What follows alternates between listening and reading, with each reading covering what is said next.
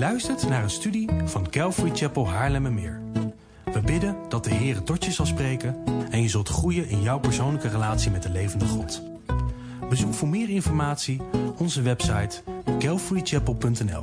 Dat is C-A-L-V-A-R-Y-C-H-A-P-E-L.nl. Romeinen. Sla je Bijbel alsjeblieft open of swipe op je device naar Romeinen hoofdstuk 11. Ehm, we zijn ondertussen aanbeland in hoofdstuk 11 vanaf vers 25. We zullen tot en met vers 32 komen en volgende week, geloof het of niet, we gaan Romeinen hoofdstuk 11 afmaken. Ik weet niet of jullie er blij mee zijn dat we uit dit hoofdstuk zijn of dat jullie gewoon blij zijn met de voortgang. Ehm, ik zal het maar op het tweede houden. Maar we hebben vorige keer hebben we gezien dat God ons oproept om in zijn goedheid te blijven. En we hebben gezien hier en onder andere in Johannes 15 dat in hem de beste plek is waar we kunnen zijn en dat dat door geloof is. Niet door eigen werken, maar door geloof worden wij in hem geplaatst. Hebben we in Efeze 1:13 gezien. En vandaag gaan we kijken in vers 25 tot en met 32 naar het feit dat God zich ontfermt over allen. Niet over een kleine groep, niet alleen over Israël, maar over allen. Want dat is wie God is. Dus laten we samen lezen in Romeinen hoofdstuk 11 vanaf vers 25 tot en met vers 32. Paulus schrijft, want ik, ik wil niet, broeders, dat u geen weet hebt van dit geheimenis, opdat u niet wijs zou zijn in eigen oog. Dat er voor een deel verharding over Israël is gekomen, totdat de volheid van de heidenen is binnengegaan. En zo zal heel Israël zalig worden, zoals geschreven staat, de verlosser zal uit Sion komen en zal de goddeloosheden afwenden van Jacob. En dit is het verbond van mij met hen, wanneer ik hun zonden zal wegnemen. Zij zijn weliswaar wat het evangelie betreft vijanden vanwege u, maar wat de verkiezing betreft geliefden vanwege de vaderen. Want de genadegaven en de roeping van God zijn onberouwelijk. Zoals ook u immers voorheen God ongehoorzaam was, maar nu ontferming verkregen hebt door hun ongehoorzaamheid, zo zijn ook zij nu ongehoorzaam geworden, opdat ook zij door de ontferming die u bewezen is, ontferming zouden verkrijgen. Want God heeft hen allen in ongehoorzaamheid opgesloten om zich over allen te ontfermen. Laten we bidden. Vader God, wat is uw woord toch goed? Wat is het toch een zegen om uw woord te hebben en om daarin te spitten, om u beter te leren kennen. Heer, want het gaat niet om hoofdkennis. Het gaat er niet om dat we kunnen zeggen dat we de hele Bijbel gelezen en of bestudeerd hebben. Maar het gaat erom dat u in onze harten wat doet. Dat wij u beter leren kennen door het woord heen. Dus doe dat alstublieft. Openbaar u zelf aan ons. Heer, beantwoord de vragen die er in ons hart zijn. Bemoedig ons, troost ons, geef ons alles dat we nodig hebben. Heren, en laat er geen woorden van mij bij zitten, maar alleen maar uw woorden, woorden van eeuwig leven. Heren, we vragen dat uit genade in Jezus' naam. Amen. Paulus is bezig in de Romeinenbrief om vanuit het Oude Testament een complete uitleg van het evangelie te geven. En het evangelie zorgt ervoor dat wij recht voor God kunnen staan, waar de hele brief over gaat. En in Romeinen hoofdstuk 9, 10 en 11 is Paulus bezig met het verleden, hoofdstuk 9, met het heden, hoofdstuk 10 en met de toekomst van Israël. En hij doet dat om te laten zien dat God trouw is, dat God niet veranderd is en dat Gods plan van redding voor Jood en voor Heiden hetzelfde is gebleven. Dat het nooit anders is geweest. En wat we tot nu toe gezien hebben, is dat Paulus eigenlijk alles dat hij zegt, dat hij dat onderbouwt vanuit het Oude Testament. Er staat dan dingen als er staat geschreven. Of um, zoals geschreven staat. Of in een variant daarop. En hij doet dat om te laten zien dat het geloof dat wij hebben niet een verzinsel van Paulus is. Maar dat het gebouwd is op dingen die al eerder gegeven zijn. Dat het gebouwd is op een fundament dat God zelf al eerder had voorzien. Maar ja, dat zeg ik wel. Maar dan komen we in vers 25. Want ik wil niet, broeders, dat u geen weet hebt van dit geheimenis. En een geheimenis is iets wat nog niet eerder geopenbaard was. Het, het Griekse woord mysterion komt 27 keer voor in het Nieuwe Testament. En de context van dat woord bepaalt wat het woord betekent. Net zoals dat context bijvoorbeeld bepaalt wat het woord liefde betekent. Als ik het erover heb dat ik van voetbal hou of van mijn vrouw houd, dan zijn dat hopelijk twee verschillende vormen van liefde. Zo bepaalt de context ook. ik kan je verzekeren dat het zo is. Dus gelukkig.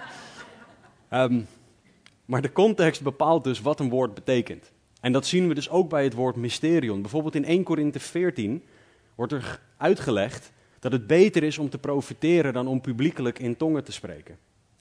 Profetie wordt namelijk begrepen, legt Paulus daaruit, maar tongentaal wordt gezien als geheimenissen.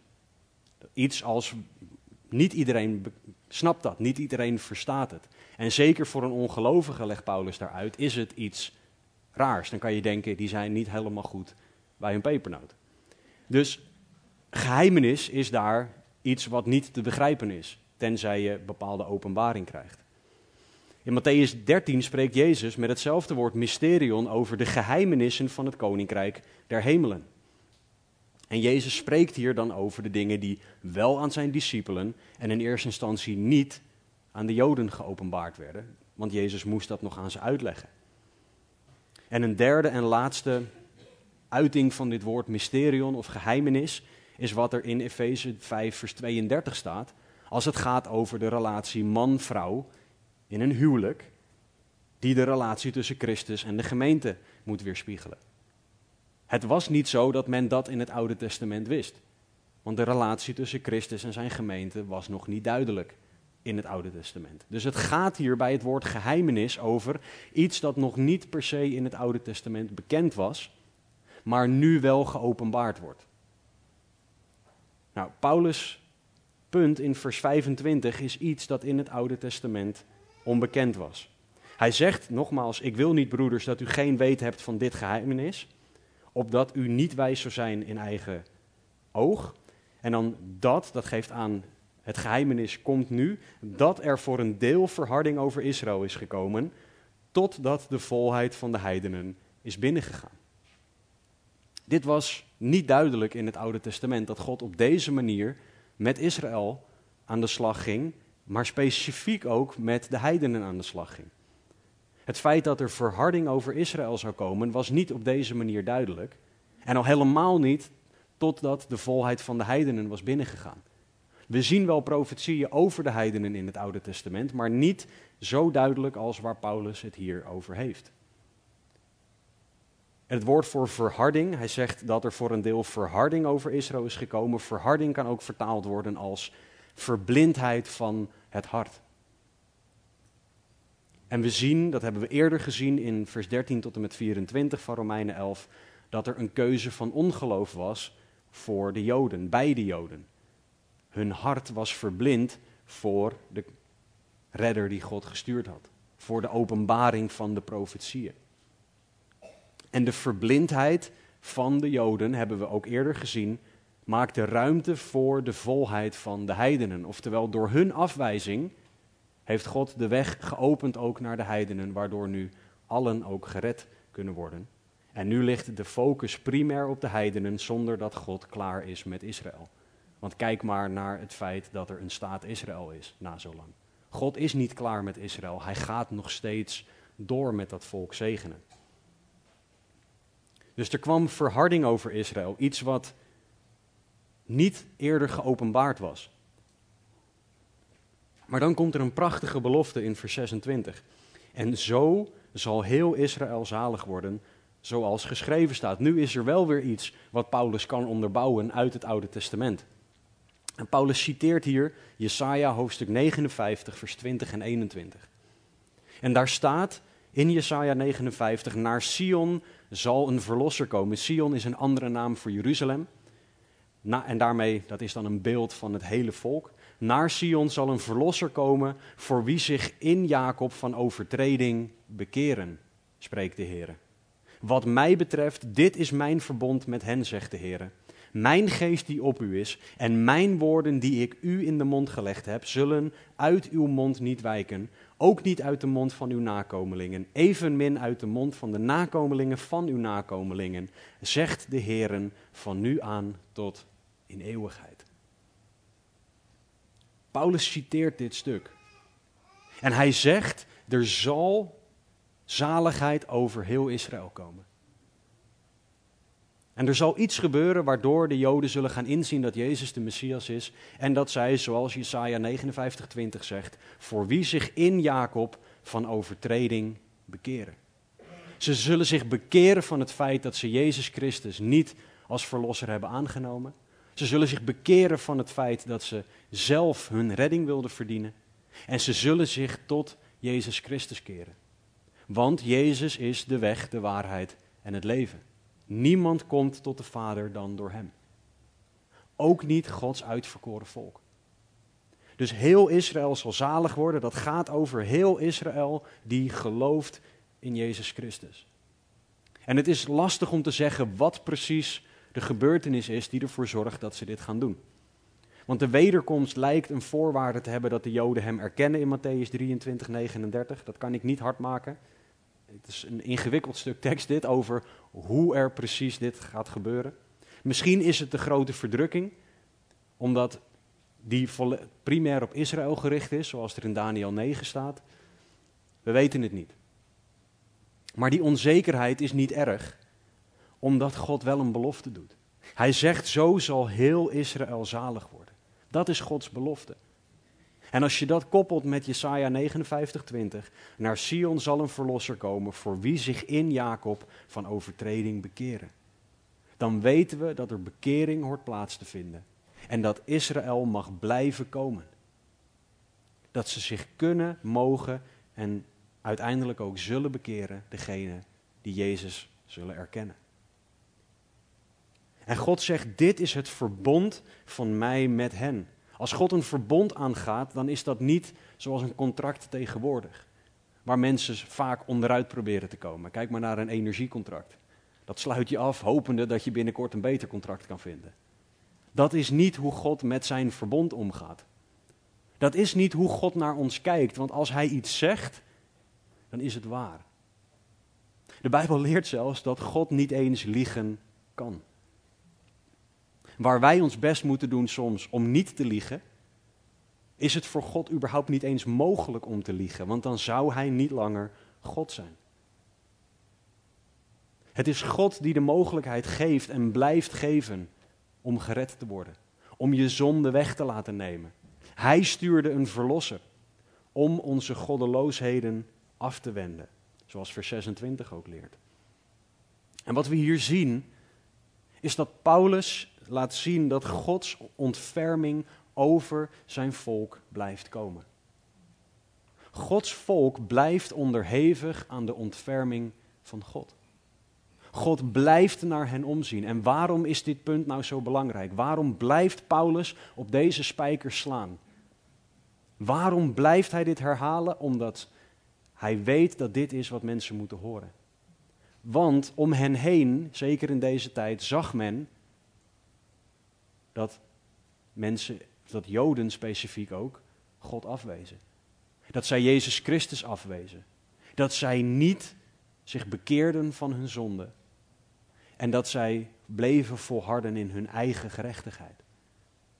God weet dat wij het nodig hebben om dingen herhaaldelijk mee te krijgen.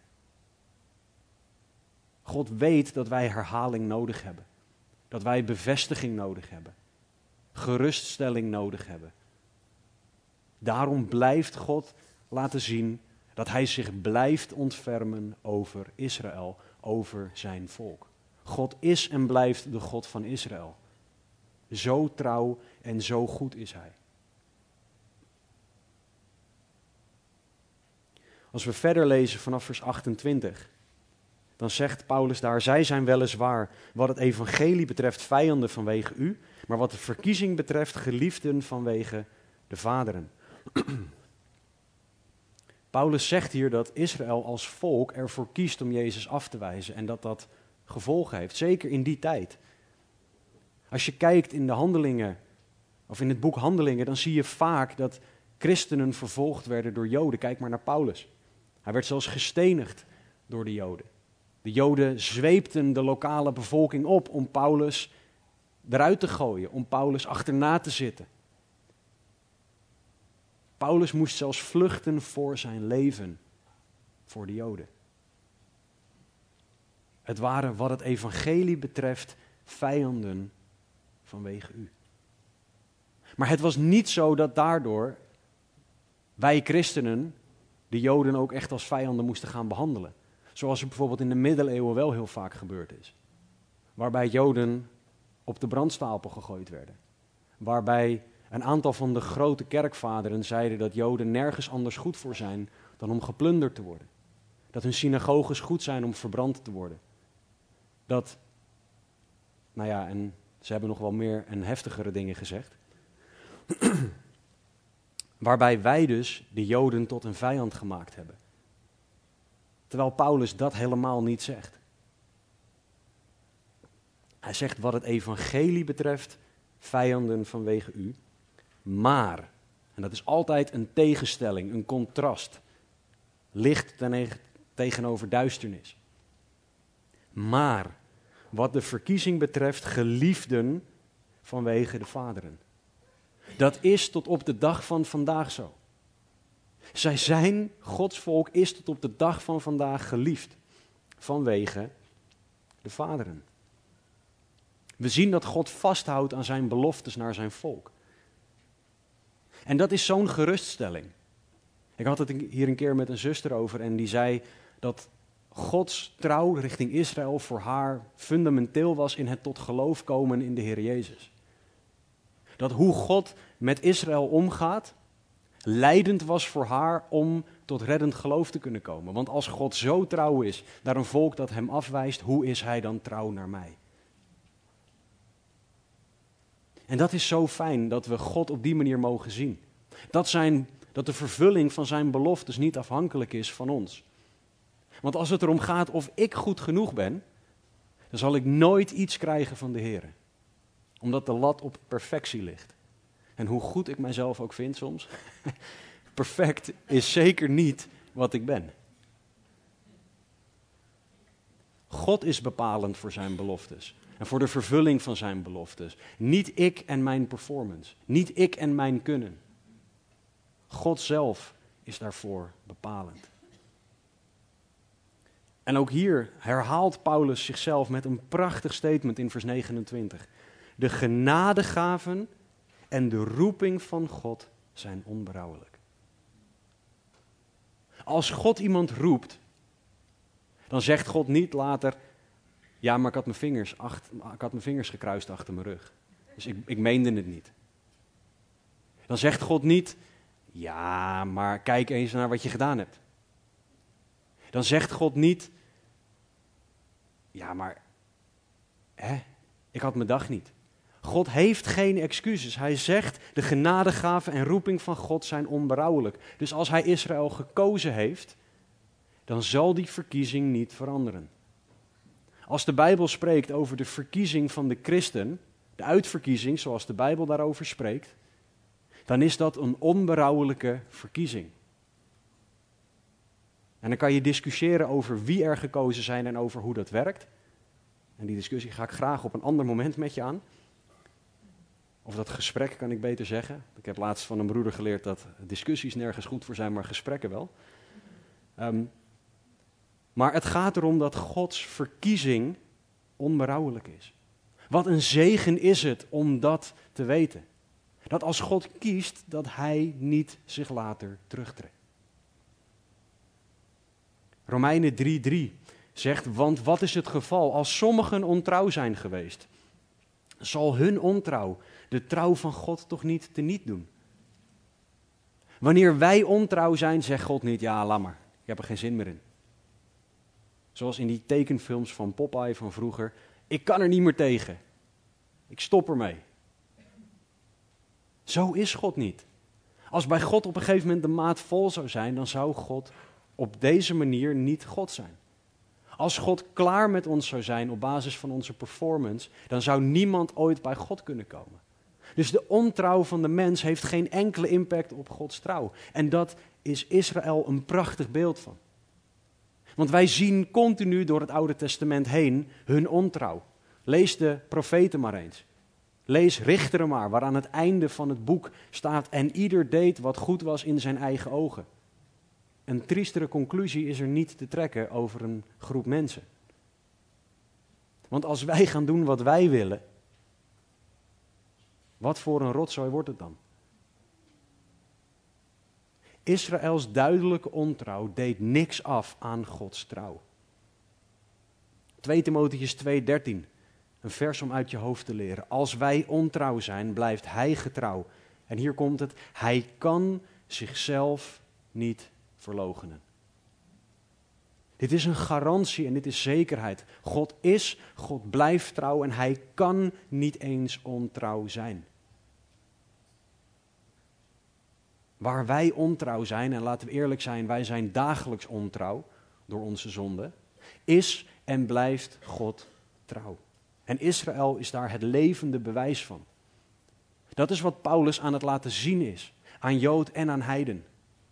Dat Gods trouw richting Israël bevestigend is voor de trouw die God naar ieder mens heeft. Zijn genadegave en roeping zijn onberouwelijk. God heeft geen berouw over wat hij geeft en over zijn roeping. Want toen hij het gaf en toen hij mensen riep, wist hij het al. Hij wist alles al wat wij ooit zouden doen, want God staat buiten de tijd. Ik kan me niks daarbij voorstellen, maar voor God was, was er geen verrassing. Hij wist het allemaal al. Al hun daden bij Israël wist hij, al hun trouw en ontrouw, al hun falen, hun zonde en hun afwijzing wist hij al. Al mijn ontrouw, al mijn falen, mijn zonde en mijn afwijzing van God, wist hij al. En toch riep hij mij. Toch gaf hij mij genadegaven. En mag ik weten dat het onberouwelijk is. Wat een geweldige zegen. Hij zegt in vers 30 verder, Paulus, zoals ook u immers voorheen God ongehoorzaam was. En hij richt zijn aandacht nu weer naar de heidenen. Maar nu ontferming verkregen hebt door hun Israëls ongehoorzaamheid. De kerk is gezegend in God door de ongehoorzaamheid van de Joden.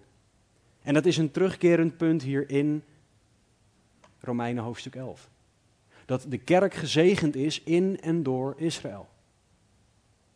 En Gods doel is dan om zich te ontfermen, vers 31. Zo zijn ook zij nu ongehoorzaam geworden, opdat met als doel ook zij door de ontferming die u bewezen is, ontferming zouden verkrijgen. Gods hart is en blijft om zijn ontferming uit te gieten en dat die ontferming geaccepteerd wordt. Gods redding en Gods plan staat klaar. Voor iedereen altijd. Maar de vraag is of iemand zijn ontferming aanneemt. Als ik een cadeau heb voor een van mijn kinderen en ik, ben, ik sta klaar om het aan ze te geven, maar, maar een van mijn kinderen die zegt, maar die wil ik niet.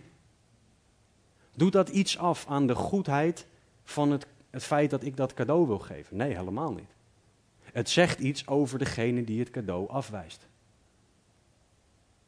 Het feit dat het cadeau gegeven kan worden en dat, het, dat degene klaar staat om het te geven, zegt, zegt, niks over, zegt meer over de gever dan over de ontvanger. En de ontvanger moet het aannemen. Om voor het cadeau om daadwerkelijk aangenomen te worden. Israël was ongehoorzaam geworden. En het doel van God dat hij daardoorheen had, dat hij wilde dat gebruiken, Romeinen 8, 28, alle dingen werken mede ten goede, voor hen die geloven. God gebruikt zelfs dat. Hij gebruikt zelfs de afwijzing van de Joden om mensen tot zichzelf te trekken. Hij gebruikt het feit dat wij dan tot geloof mogen komen, om hen weer alsnog tot zichzelf te trekken. God had Israël gekozen, maar ze wezen hem af. Ze waren trots geworden op hun verkiezing in de plaats van nederig voor Gods troon te komen. Als je vandaag de dag met een orthodoxe Jood praat, is hij bereid om je gewoon in je gezicht te vertellen, en ik weet dit omdat ik dit heb meegemaakt. Een orthodoxe Jood is bereid om je met een stalen gezicht aan te kijken en te zeggen: Ik ben uitverkoren en jij niet. Ik ben beter dan jij, want ik ben uitverkoren. En daarmee wil ik niet zeggen dat we nou opeens boos moeten worden op de Joden, want dan, hè, dan gaan we in tegen wat we net aan het lezen zijn. Maar we zien daarbij dat zij niet die nederigheid hebben die hoort bij de verkiezing. In plaats van geloof in de zoon hebben zij afwijzing van Gods zoon. En daarom horen wij in te zien dat wij niet diezelfde fout moeten maken. Want wij zijn net zo zondig als zij. Wij zijn net zo makkelijk in staat tot dezelfde fout als zij. Dus laten we die fout niet maken. Niet trots zijn op de verkiezing, maar juist nederig dankbaar. En God zegt hier opdat zij door de ontferming die u bewezen is, ontferming zouden verkrijgen, vers 32. Want God heeft allen in ongehoorzaamheid opgesloten om zich over allen te ontfermen. In het Grieks is dat het woord dat ook als barmhartigheid vertaald kan worden. Dat gaat om iets niet krijgen wat je wel verdient. Het gaat over goedheid richting de ander. Over goedheid richting ellendigen, richting gekwelden. Met een verlangen dat je uit om die ander ook daadwerkelijk te helpen. En dat is wat God ons geeft. God geeft mensen niet wat ze wel verdienen wanneer er barmhartigheid is. Hij geeft ons niet het oordeel dat we eigenlijk wel verdienen. En het is de goedheid van God dat Hij zich wil ontfermen over de ellendigen en de gekwelden, namelijk wij. Het is Gods ontferming en barmhartigheid die Hij uitstort over ons. En dat is een geweldige zegen, omdat wij dit niet verdienen. Wij kunnen niet zeggen, Heer, kijk eens naar mij, ik heb goed genoeg mijn best gedaan. Daardoor krijg je, verdien ik dit niet meer, dat oordeel. Nu heb ik recht op dingen. Jood en heiden verdienen de redding niet. We schieten hopeloos tekort allemaal. Ten opzichte van Gods standaard. En we mogen dus genieten van Gods ontferming. Maar Paulus zegt hier in vers 32 iets. Hij zegt, God heeft allen in ongehoorzaamheid opgesloten.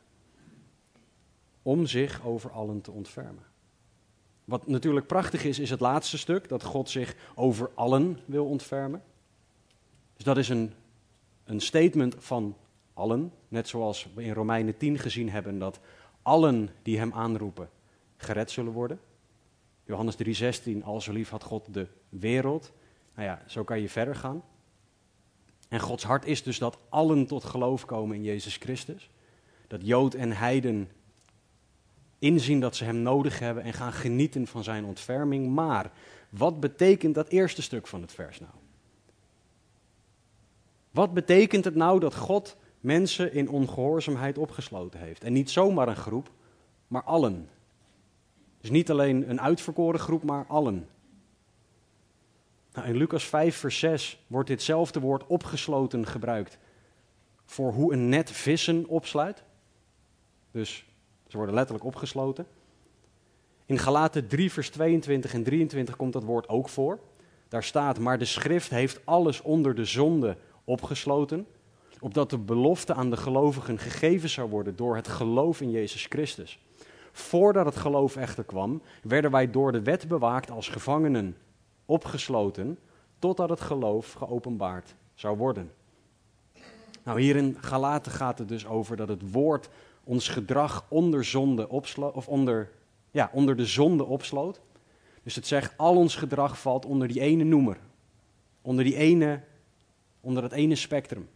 Al onze daden vallen daaronder, onze eigen daden. En we worden door de wet bewaakt als gevangenen opgesloten. En de wet wijst ons erop dat wij vastzaten in zonde en dat wij dus geloof nodig hebben. En iets vergelijkbaars staat er dus in Romeinen 11. God heeft ons de wet gegeven, waardoor wij opgesloten zijn in ongehoorzaamheid. Want al onze daden schieten tekort ten opzichte van de wet. Wij zitten vast in zonde En het net sluit zich metaforisch om ons heen, omdat de wet ons laat zien dat we falen. Als ik lief heb namelijk, is dat niet naar de standaard van Gods woord. Als ik goed doe, is het niet goed genoeg ten opzichte van Gods lat van perfectie. Dus wij zitten opgesloten in ongehoorzaamheid. Door God, omdat God ons die wet gegeven heeft en daardoor, zoals we ook eerder in de Romeinenbrief gezien hebben, daardoor ons laat zien dat wij zondaren zijn. Wij zijn opgesloten in zonde omdat God ons erop wijst dat ons gedrag zondig is. En waarom heeft hij dat gedaan? Waarom heeft hij dat geopenbaard? Om zich over allen te ontfermen. Het was zo genadig, het is zo genadig dat God ons de wet gegeven heeft, waardoor wij inzien dat wij zondaren zijn. Want doordat we inzien dat we zondaren zijn, dat we een probleem hebben, kunnen we degene met de oplossing vragen om ons die oplossing te geven. Doordat we inzien wat ons probleem is en wat de oplossing is, kunnen we leren leven naar degene die die oplossing geeft. Hij geeft redding, hij geeft de weg van redding. God is degene die verkiest, degene die redt, degene die leidt, draagt, stuurt. En wij hoeven alleen maar te reageren in geloof. En uit Romeinen 3:28 weten we dat geloof geen werk is. Want daar wordt geloof tegenover de werken van de wet gezet. Dus wat God gedaan heeft door ons op te sluiten in ongehoorzaamheid, allen, is ons laten zien dat we Hem nodig hebben. Is onze eigen staat aan ons laten zien. De staat van ongehoorzaam zijn. En dat is waarvoor Jezus naar de aarde kwam. Jezus kwam naar de aarde om te sterven voor ons. Wij die zondaren zijn. Wij die opgesloten zijn in ongehoorzaamheid. Want God wil zich over allen ontfermen.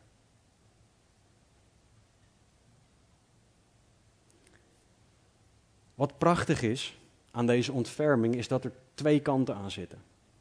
Er zit Gods kant van de ontferming aan en onze kant van de ontferming. Gods kant van de ontferming vinden we bijvoorbeeld in Exodus 34, vers 5 tot en met 7, wat de dames ook behandeld hebben. Daar staat dat God zichzelf liet zien aan Mozes door zijn naam uit te spreken. En een stukje daarvan is dat God riep, Heere, Heere, God barmhartig en genadig. Dat is onder andere wie God is. De God die zichzelf openbaart is de God die barmhartig is. Gods identiteit is dat hij barmhartig is, dat hij zich ontfermt, dat hij de ellendigen en de gekwelden goedheid wil betonen.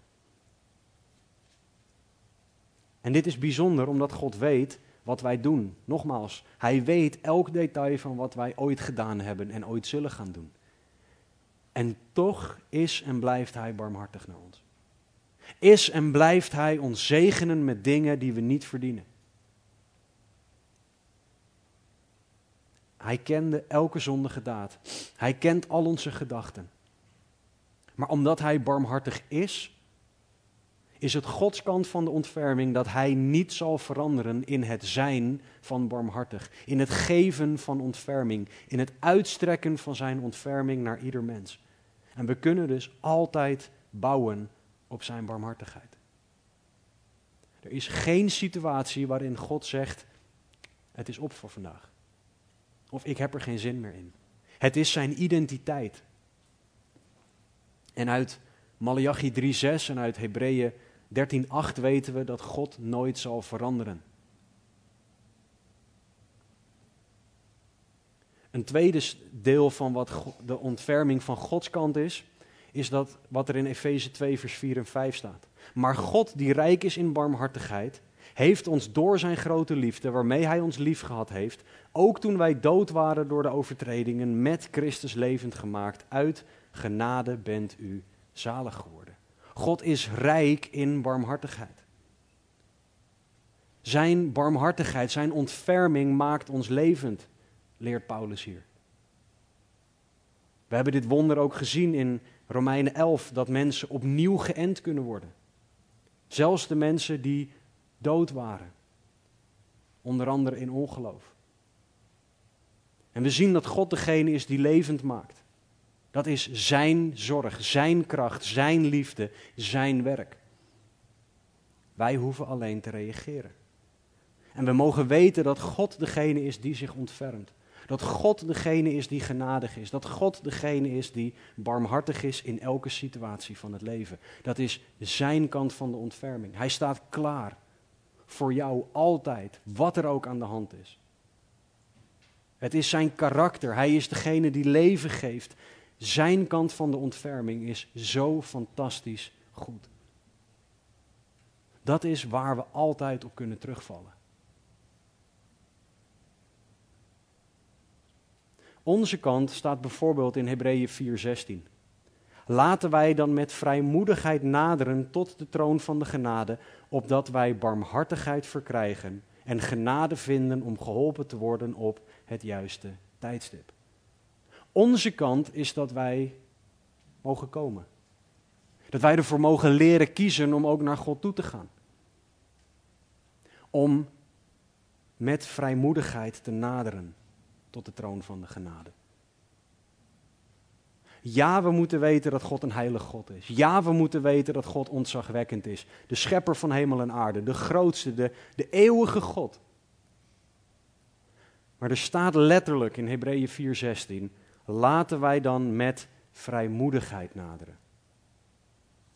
Wetende wie Hij is, mogen wij vrijmoedig bij Hem komen.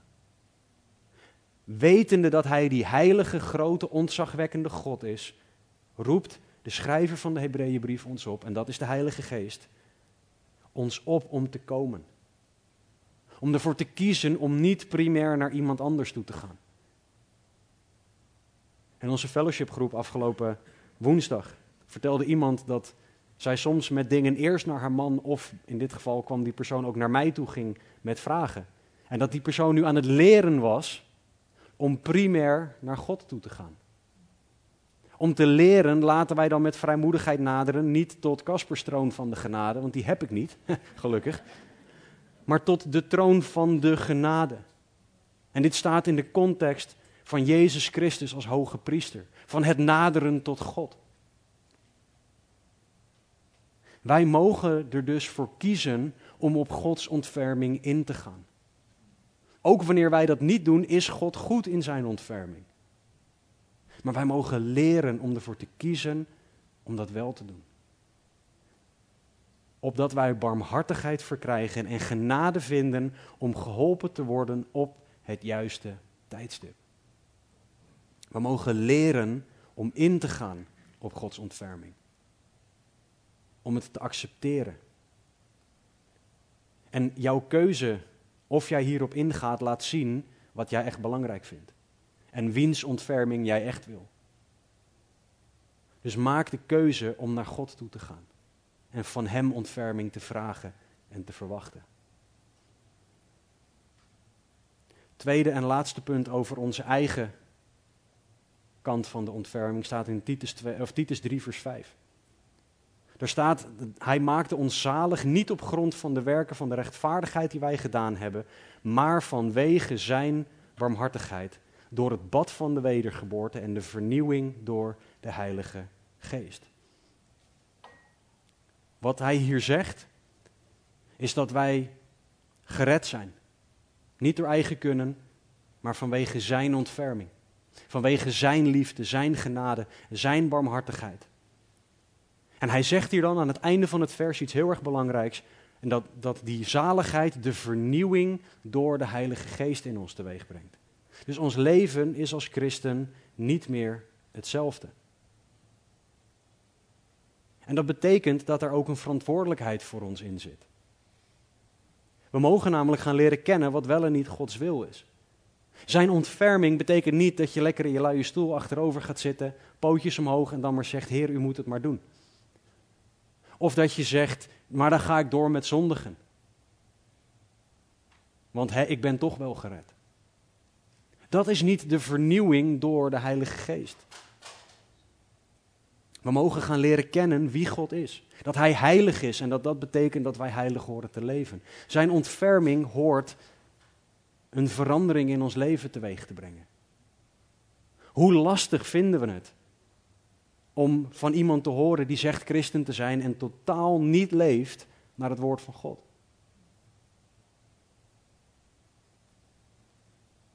In 2 Timotheus 2, vers 21 en 22 schrijft Paulus: Als iemand zich dan hiervan reinigt, van alle onreine dingen waar Paulus net over gesproken heeft, zal hij een voorwerp zijn voor eervol gebruik, geheiligd en van veel nut voor de Heer, voor elk goed werk gereed gemaakt. Maar ontvlucht de begeerten van de jeugd. Jaag rechtvaardigheid, geloof, liefde en vrede na, samen met hen die de Heer aanroepen uit een rein hart. Gods ontferming leidt ertoe dat wij anders horen te gaan leven. Dat wij heilig en rein horen te gaan leven. Want als we zien hoeveel God ons gegeven heeft, hoe onlogisch is het dan om door te gaan met wat je gedaan hebt? Hoe raar is het dan om dat niet te beantwoorden met de keuze om echt voor God te gaan leven? Dus we hebben het nodig om keuzes te gaan maken die passen bij de ontferming die God ons gegeven heeft. Zekerheid van redding is geen vrijbrief om maar door te blijven gaan. Het moet juist een aansporing zijn om meer afhankelijk van God te leven, meer door de Heilige Geest geleid te gaan leven. Naar het feit dat we een nieuwe schepping zijn en dat we vernieuwd zijn door de Heilige Geest. Dat is onze kant van de ontferming. Dat betekent niet dat ik het allemaal zelf moet doen, maar we mogen God vragen: Heer, leid mij hierin. En dan mogen we keuzes leren maken, geleid door de Heilige Geest, die wel naar zijn wil zijn. In de plaats van vleeselijk boos worden, de Heere vragen om geduld. In de plaats van een pen jatten van je werk, vragen of je een pen mag lenen en hem dan ook teruggeven. In de plaats van je belastingformulier oneerlijk invullen, hem nu eerlijk invullen, zelfs als dat betekent dat het je letterlijk wat kost. En ga zo maar door en ga zo maar door. We mogen dagelijks kiezen voor Hem in plaats van ons oude leven.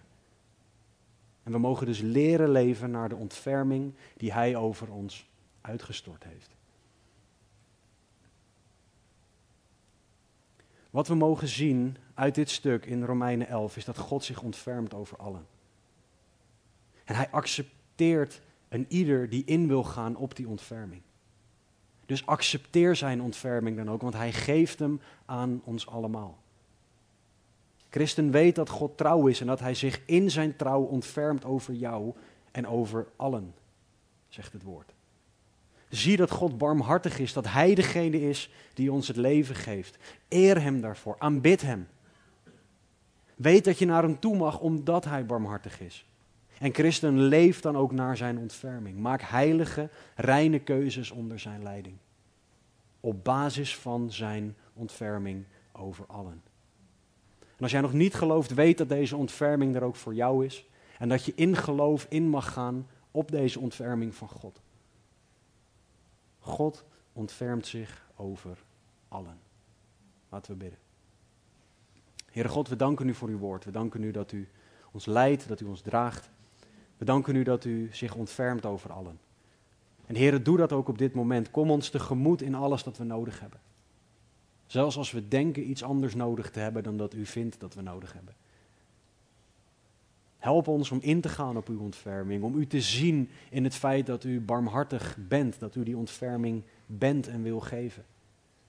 En help ons ook, heren, om te gaan leven naar de ontferming die u geeft.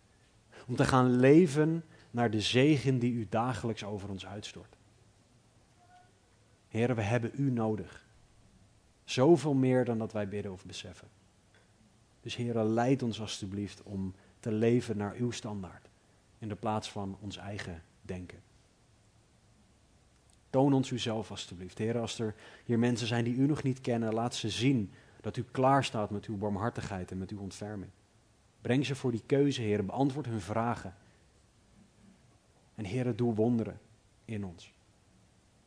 Toon ons uw ontferming, toon ons uzelf alstublieft. En leid ons alstublieft zoals alleen u dat kan. Vragen we in Jezus' naam. Amen.